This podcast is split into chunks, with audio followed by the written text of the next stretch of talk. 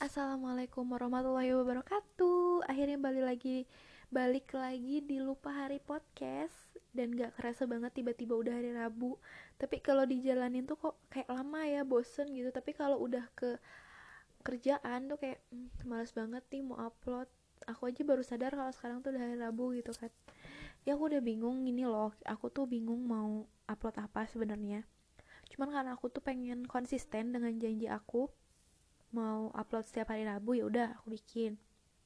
Awalnya kan aku janji kemarin mau uh, bikin podcast ten segmennya tentang ceritain hidup aku gitu kan story of my life. Tapi ternyata aku pikir-pikir kalau mau bikin story of my life tuh aku harus nulis skrip biar jelas gitu. Kalau misalkan spontan suka apa adanya cuman kayak nanti tuh ngulang-ngulang gitu loh kayak yang udah keceritain nanti keceritain ulang. Durasi bakalan panjang kan jadi aku memutuskan kayak yaudah deh kayaknya sekarang bahas yang asal-asalan aja gitu. Yang maksudnya ya kita ngobrol kayak ngobrol aja gitu ya santai kayak aku curhat atau aku bahas apa yang yang banyak dipertanyakan oleh orang-orang gitu kan tentang aku. Tapi nggak masuk kayak poin baby deh ini kayak aku curhat aja deh ya kan. Oke kita mulai dulu dari hmm, apa ya yang paling sering orang tanyain tentang aku itu alergi aku aku itu alergi sama debu sama dingin. Jadi bener-bener kayak harus protek banget sama diri kalau udah masuk ke ruangan berdebu atau udah di lingkungan yang dingin gitu. Karena aku tuh gampang bersin-bersin terus imun itu yang auto turun banget gitu kalau udah uh, alerginya kambuh tuh. Aku juga punya eksim. Jadi eksim ini tuh salah satu penyakit kulit di mana kalau misalkan aku kayak ketemu udara dingin atau perubahan suhu yang drastis uh, pindah daerah gitu ya atau aku stres dia tuh kambuh gitu. Gatel kayak gatel merah gitu loh. Pokoknya pokoknya tuh nyebelin banget kalau lagi kambuh. Terus aku tuh nggak suka sama asap rokok. Iya karena mungkin beberapa orang deket asap rokok cuman batuk-batuk ya. Kalau aku tuh bisa sampai bersin-bersin dan itu ganggu banget sih kalau udah bersin bersin tuh bisa tiga hari gitu loh nggak berhenti berhenti padahal dekat sama orang yang rokoknya cuma sebentar kan tapi efeknya tuh panjang di akunya terus apalagi ya? Oh aku alergi jagung. Entah kenapa sebenarnya dibilang nggak suka sama jagung sih nggak juga ya. Kayak misalkan jagung bakar yang jagungnya tuh dibakar uh, agak gosong gitu dan dibanyakin menteganya aku suka banget sebenarnya. Cuman entah kenapa aku tuh kalau makan jagung yang tenggorokan tuh bisa yang bengkak sampai sesak nafas tuh kayak mau nafas tuh kayak orang sesak. Maksudnya kayak ketahan gitu loh di tenggorokan ya tapi jadi bengkak dan susah nafas. Dan aku nggak tahu itu kenapa. Dan kalau jagung rebus eh bukan. Kalau nyium orang yang apa sih gimana ya? Kalau nyium orang yang lagi ngerebus jagung aku tuh bisa yang mual-mual gitu loh. Kayak orang lagi hamil muda.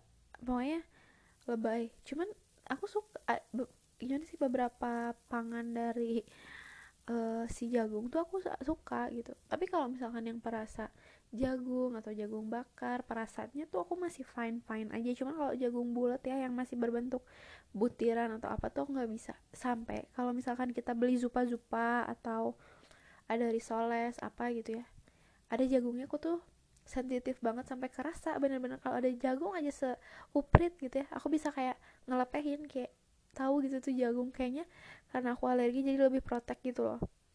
Gitu. Sampai makan zupa-zupa aja aku tuh dipilihin dong si jagungnya. Gitu. Terus aku juga alergi asin entah kenapa. Nah, ada beberapa sih kayak cumi asin itu aku bisa makan tapi emang aku sampai aku tiga kali rebus dulu gitu biar dia hilang asinnya baru bisa aku makan. Terus kayak misalkan ikan asin yang kan kalau ngeliwat suka pada pakai ikan asin gitu ya. Nah aku tuh suka nggak bisa suka gatel-gatel. Pernah sekalinya tuh uh, dibikinin nasi goreng ebi. Kan kalau ebi tuh udang kecil-kecil yang dikeringin gitu kan. Dikasih itu loh dikasih ebi. Dan pas apa aku makan tuh sebenarnya aku udah ngerasa ini kayaknya ada yang aneh deh rasanya kayak aku kenal deh ini rasa apa ya gitu terus pas nggak lama aku langsung gatel-gatel. Dan berhubung lapar sih itu kayak bodo amat gitu kan nggak mikirin alergi apa gitu.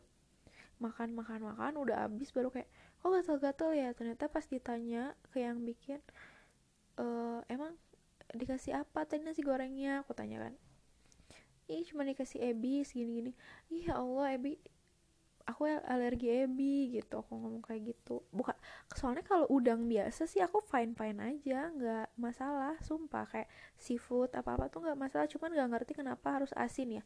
Mungkin karena ada proses uh, saat dia dibikin asin tuh yang nggak cocok gitulah nggak ngerti lah pokoknya.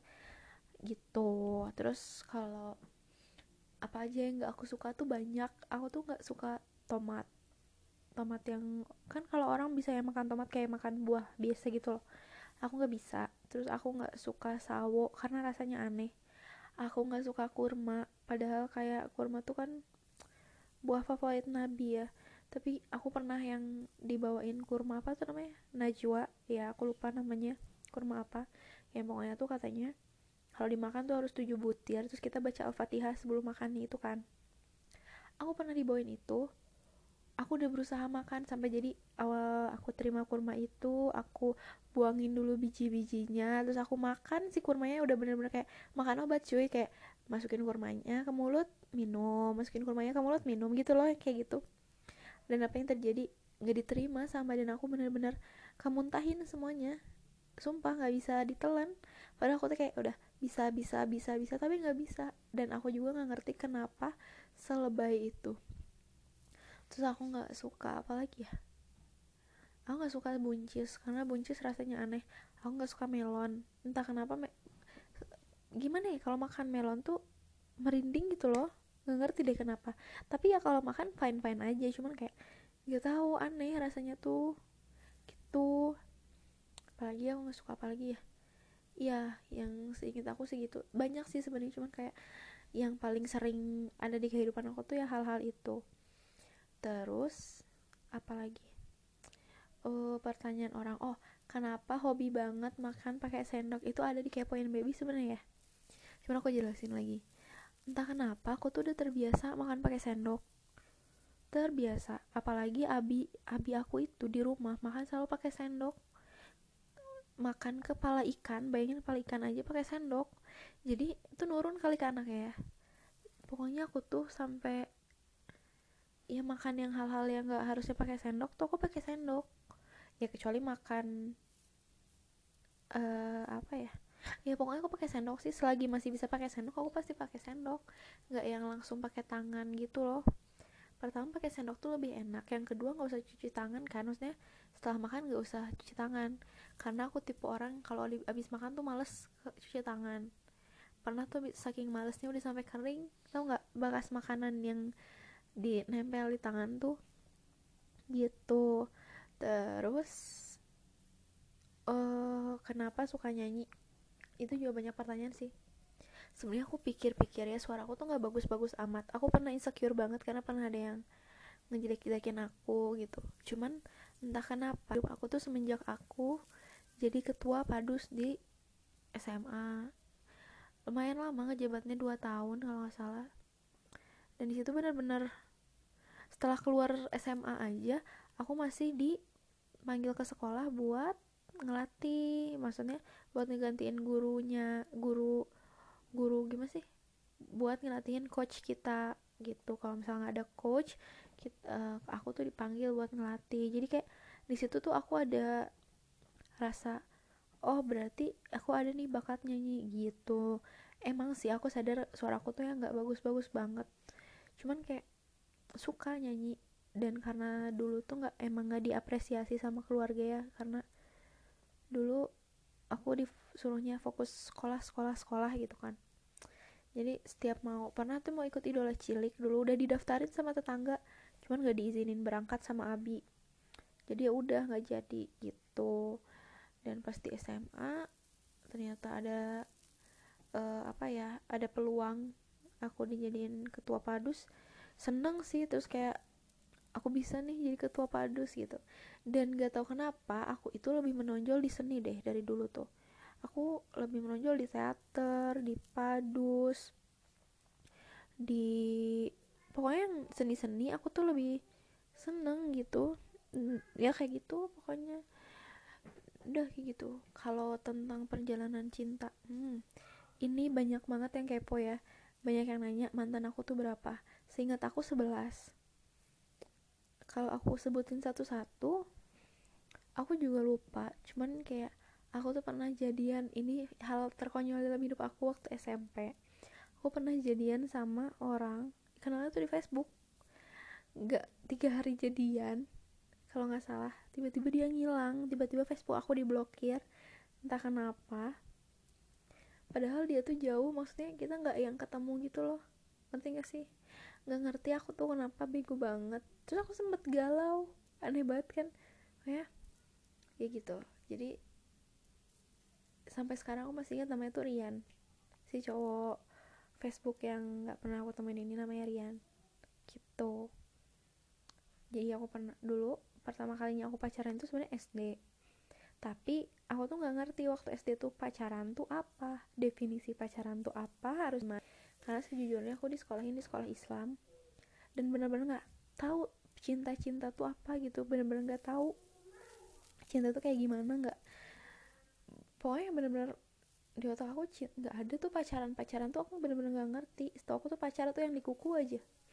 Sampai akhirnya aku waktu itu kan awal SD itu aku tinggalnya di Abi punya rumah makan kan. Jadi di rumah makan itu aku tinggal di sana rumah yang di uh, rumah tempat tinggal tuh dikosongin gitu. Sampai akhirnya kelas entah kelas 3 atau kelas 4 aku pindah lah pindah lagi maksudnya ke rumah itu.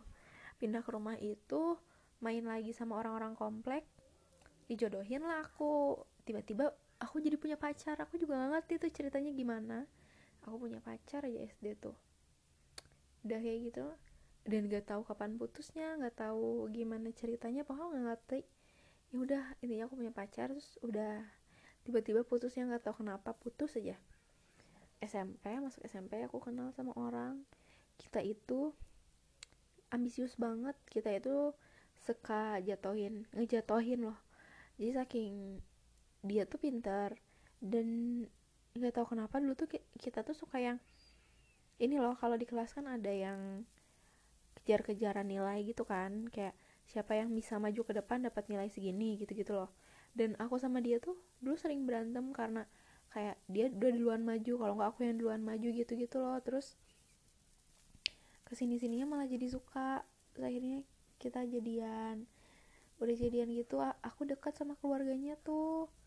Terus ya bener-bener pacaran sehat kali ya karena waktu pengambilan rapot tuh aku ranking 3 kalau nggak salah waktu itu. Dia ranking 4 di kelasnya aku ranking 3 di kelas aku. Terus sih kayak jadi omongan gitu sama mamahnya kayak masa kalah sih sama aku? gitu katanya sama ceweknya. Masa ceweknya ranking 3 kamu ranking 4 malu-maluin gitu-gituin kayak bener-bener pacaran sehat gitu loh. Ya udah. Jadi waktu itu pacaran sama dia putus karena apa ya nggak tahu deh putus karena apa nggak jelas. Oh kalau nggak salah dia sama kakak kelas deket entah gimana ceritanya. Dan aku dekat lagi sama guru pembimbing osis aku. Dari pembimbing osis itu nggak jelas juga gimana ceritanya. Putus kalau nggak salah tuh. Jadian sama adik kelas aku tuh.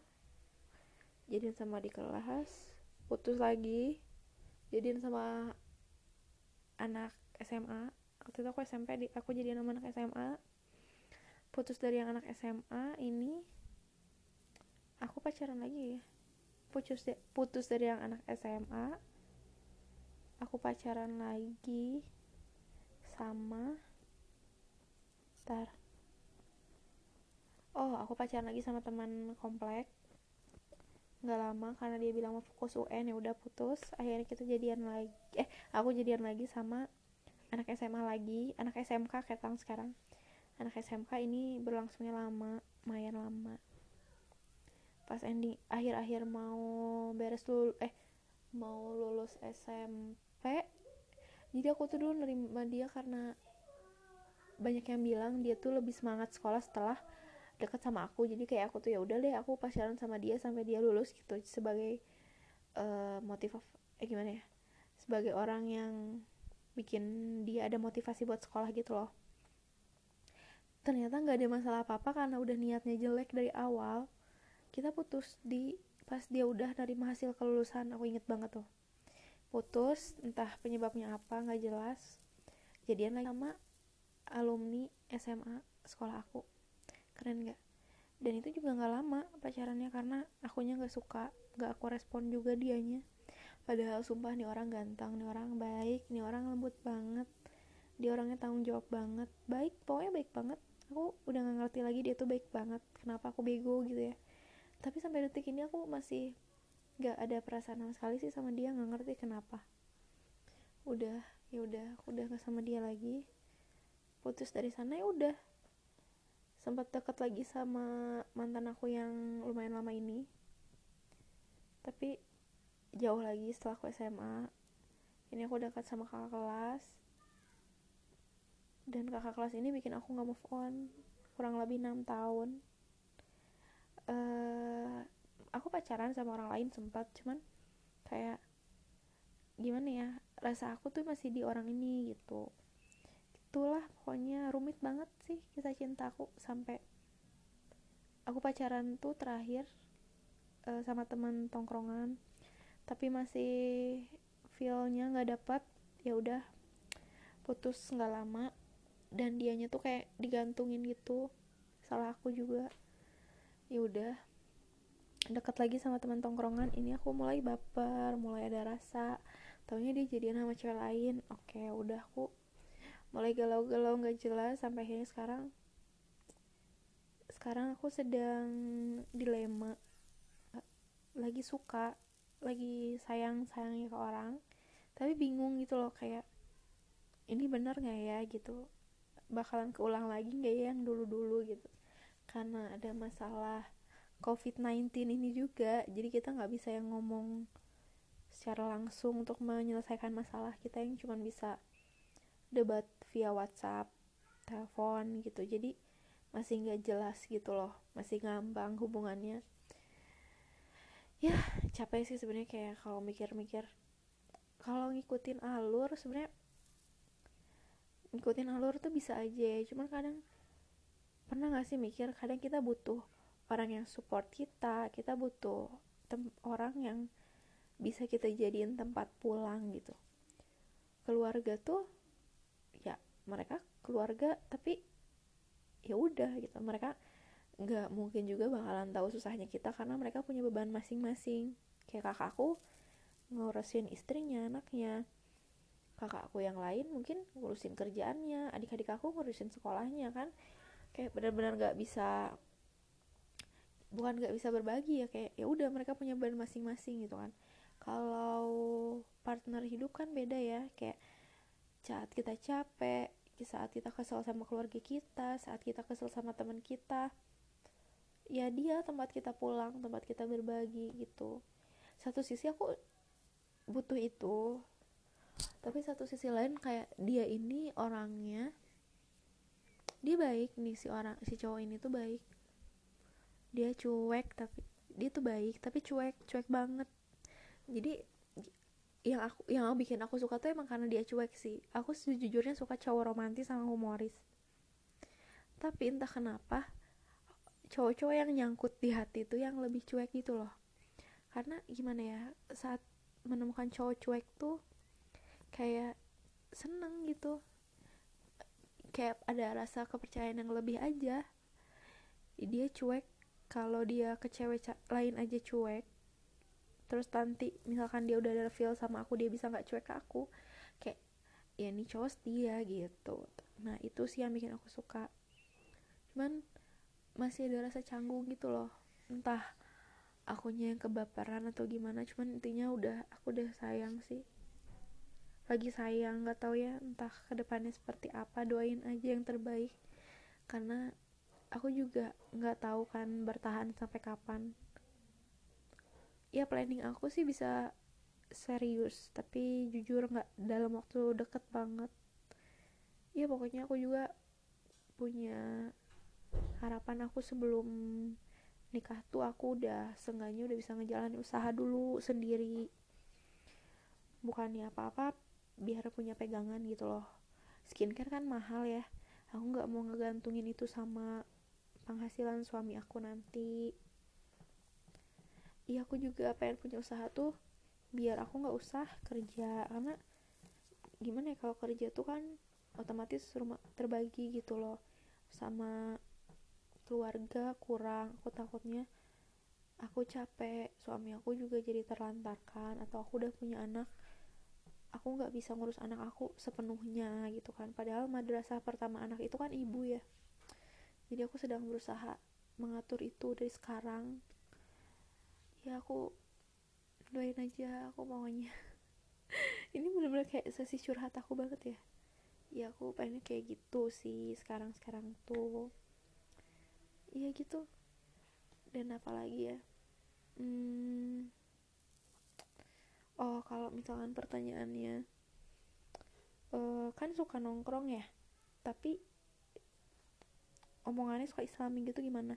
Sebenarnya jujur ya aku nongkrong tuh aku tuh temen rata-rata cowok. Tapi justru mereka tuh melindungi banget gitu loh yang nggak mereka tahu gimana ya mereka tuh melindungi aku saat aku dekat sama cowok.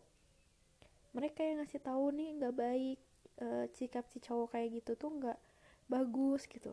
Mereka yang ingetin aku saat aku udah kelewatan batas mereka yang ngasih tahu. Jadi bener-bener ada efek positifnya. Sempat mikir sih kayak aduh nggak bagus nih aku dekat sama cowok kayak gini. Cuman ya udah selagi aku nggak ngapa-ngapain nggak macem-macem dan nggak bawa pengaruh buruk buat hidup aku ya udah fine gitu kan. Diomongin sama tetangga bodoh amat gitu loh. Dan entah kenapa aku tuh nyari cowok juga yang bisa nerima teman-teman aku ini gitu. Karena ya karena mereka yang dari dulu jagain aku ngurusin aku galaunya aku tuh bener-bener mereka yang dengerin gitu. Jadi ya udah bener-bener mencari itu sih. Pasti aku takut aja punya cowok yang malah dia jadi kayak cemburu ke teman-teman aku yang gitu-gitu loh. Masuk durasi ke eh udah menitnya udah 22 menit 42 detik ya. Jadi kayaknya aku udah handul aja nanti aku kalau udah ada bahan obrolan lagi aku upload lagi. Semoga kalian gak bosan-bosan sih ya dengerinnya. Karena jujur ini sesi curhat banget kan ya. Semoga seneng. Ya aku doain kalian punya aktivitas yang bermanfaat selama masa karantina. Dan cepat pulih Indonesiaku. Semoga kita bisa meet up lagi teman-teman. Nongkrong lagi seru-seruan lagi. Pokoknya bisa silaturahmi lagi ya kita doain yang terbaik buat orang-orang yang positif corona atau yang lagi dalam masa ODP semoga bisa sehat dan untuk orang-orang yang udah pulang ke rahmatullah kita doain aja amal-amalan mereka diterima di sisinya gitu amin Yaudah sekian dan terima kasih telah mendengarkan Lupa Hari Podcast. Semoga hari kalian bermanfaat. Wassalamualaikum warahmatullahi wabarakatuh.